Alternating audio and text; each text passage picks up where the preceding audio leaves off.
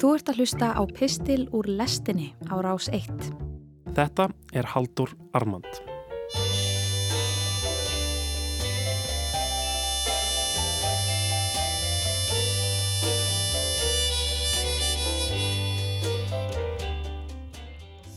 Ég á mjög einkennilega, eða við skulum segja forvitnilega golfmóttu og ég get viðurkent það hér, örlítir skömmustilegur, að ég hef falið þessa móttu oftar en einu sinni fyrir gestum.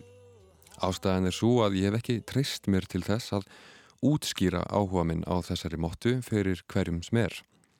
Þetta er svo kölluð stríðsmotta sem ég fekk frá Pakistan og sínir myndrænt árásina á tvíburaturnana árið 2001.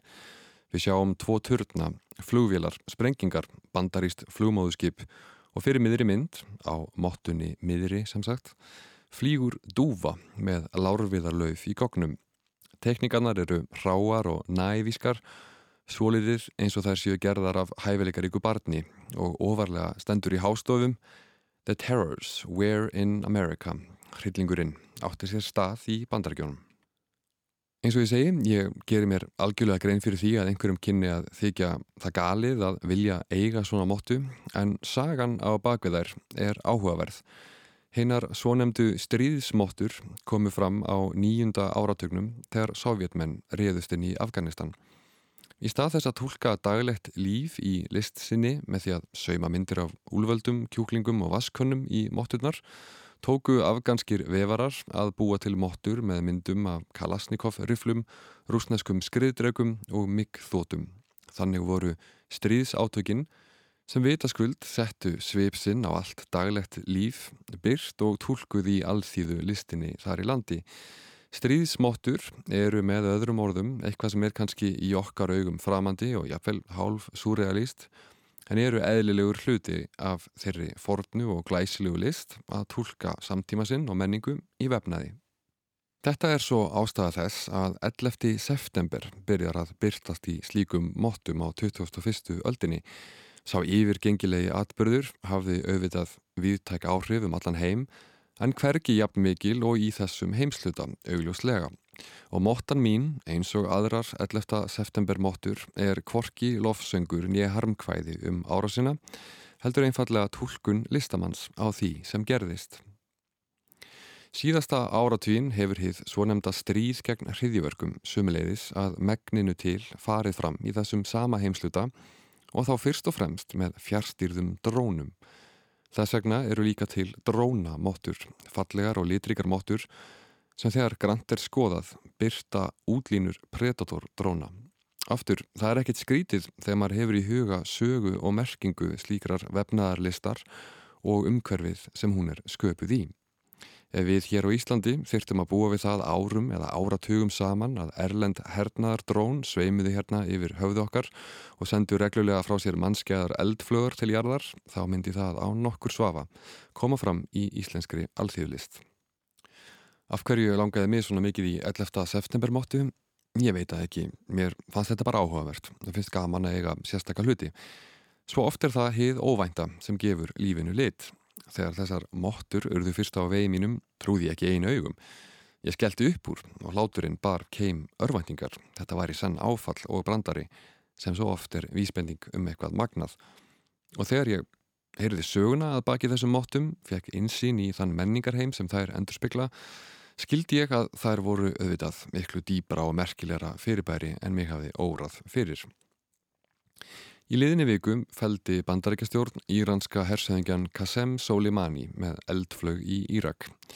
Morðið er að mörguleiti táknum tíman okkar. Maður frá ríki A er feldur með eldflögur, fjárstýrum dróna, eða dróni eins og mér finnst að slíkt fyrirbæri eða heita á íslensku, á vegum ríkis B en á landsvæði ríkis C.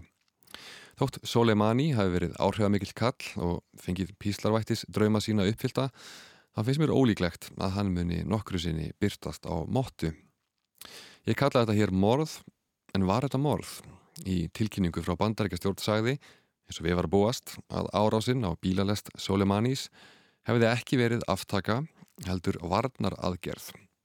Það er vegna þess að lögfræðilega réttlætingin á slíkri aðgerð og um leið réttlætingin fyrir svo ofbóðslegri íhlutun í sjálfs ákvörunarétt annars ríkis og forræði þess yfir eigin landsvæði grundvallast alltaf á hugmyndum um sjálfsvörn. Af sömu ástæðu saði Mike Pompeo, utanreikis ráðara bandarækina, að áðrásinn hefði verið gerð á Soleimani vegna þeirrar yfirvofandi hættu sem stedjaði að lífi bandarískra ríkisborgara. Það er ekki tilviljun að hann notaði þetta orð yfirvofandi eða imminent vegna þess að almennt er viðurkent í þjóðarétti að eitt af megin skilirðum þess að ríki megi beita sjálfsvarnarétti samkvæmt 51. grein sáttmála saminuð þjóðana er það að verið sé að bregðast við yfirvofandi hættu. Ég veit ekki til þess að ferðar hafi verið fram miklar sannanir á yfir ofandi hættu í þessu tilviki og eitthvað segir mér að þær muni ekki koma fram. Hugmyndir um hvað getur talist réttlátt stríð hafa verið til frá örófi alda og blóðugar styrjaldir hafa sömuleiðis alla tíð haft siðferðilega vít. Það þarf ekki annað en að lesa um trójustríðið í Iljónskviðum til þess að átta sig á því. Hér er mér til dæmis hugsa til senunar mögnuðu í lokkviðunar þegar Akkiles verður við bón Príams trójukonungs um að skila honum líki svonarsins Hektors fremsta stríðsmanns tróju sem Akkiles drap í orustu svo trójumenn geti sýrt og grafið Hektor með reist. Hinn aldraði Príam krýpur við fætur hins óurlega Akkilesar, kissir hendur hans og segir Ég hef haft þá raun sem engin annar jarneskur maður hefur haft að bera hendur sonar bana míns upp að vörum mínum. Svo grátaðir saman Akkiles og Príam, mesti stríðsmaður Argverja og konungur Tróju yfir þeim hryllingi sem styrjaldir eru. Þetta er svakaleg sena. Þarna eru samankomnir tveir anstæðingar sem hafa fært miklar fórnir. Akkiles hefur mist besta vinsinn Patroklos og veit fyrir víst að hann er sjálfur feigur og Príam hefur mist svonsinn Hektor.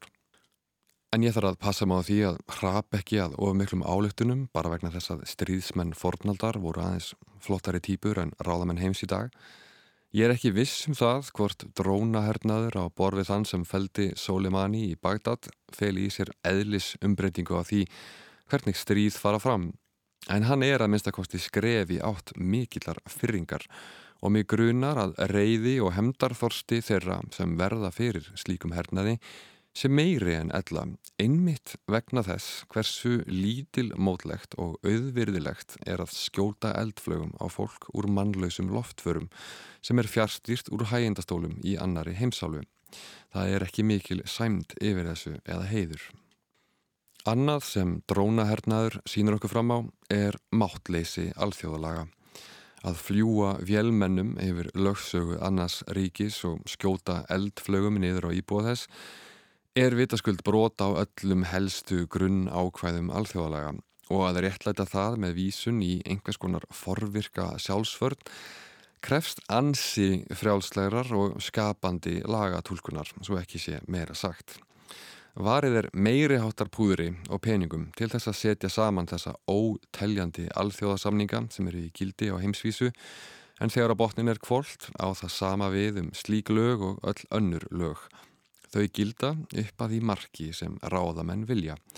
Í þessu tilviki eru ráðamenn þau ríki heims sem eru of valdamikil til þess að nokkur geti sagt neitt við þau. Hér á Íslandi lifum við ekki við það að vopnuð Erlend stríðs vélmenni flögri yfir heimkinum okkar og taki líf okkar upp á myndband en staðrendin er svo að heimurinn þyrti ekkit að vera neitt sérstaklega mikið öruvísi til þess að svo yrði raunin og í því tilviki gætu við hreinlega ekkert sagt eða gert. Þessi tilöksun er eitthvað það allra viðbjóðslegasta sem ég get ímyndað mér og þessi andstyggilega tilfinning er eitthvað tengd áhuga mínum á stríðsmottum. Þær eru tenging við veruleika sem guðirnir hafa af engri sjáanleiri ástæðum hlýft mér við og þar með kannski þörf ámenning um að ég verð aldrei stundarkorn eins og Akiles. I'm trying to read your portrait, but I'm helpless like a rich man's child.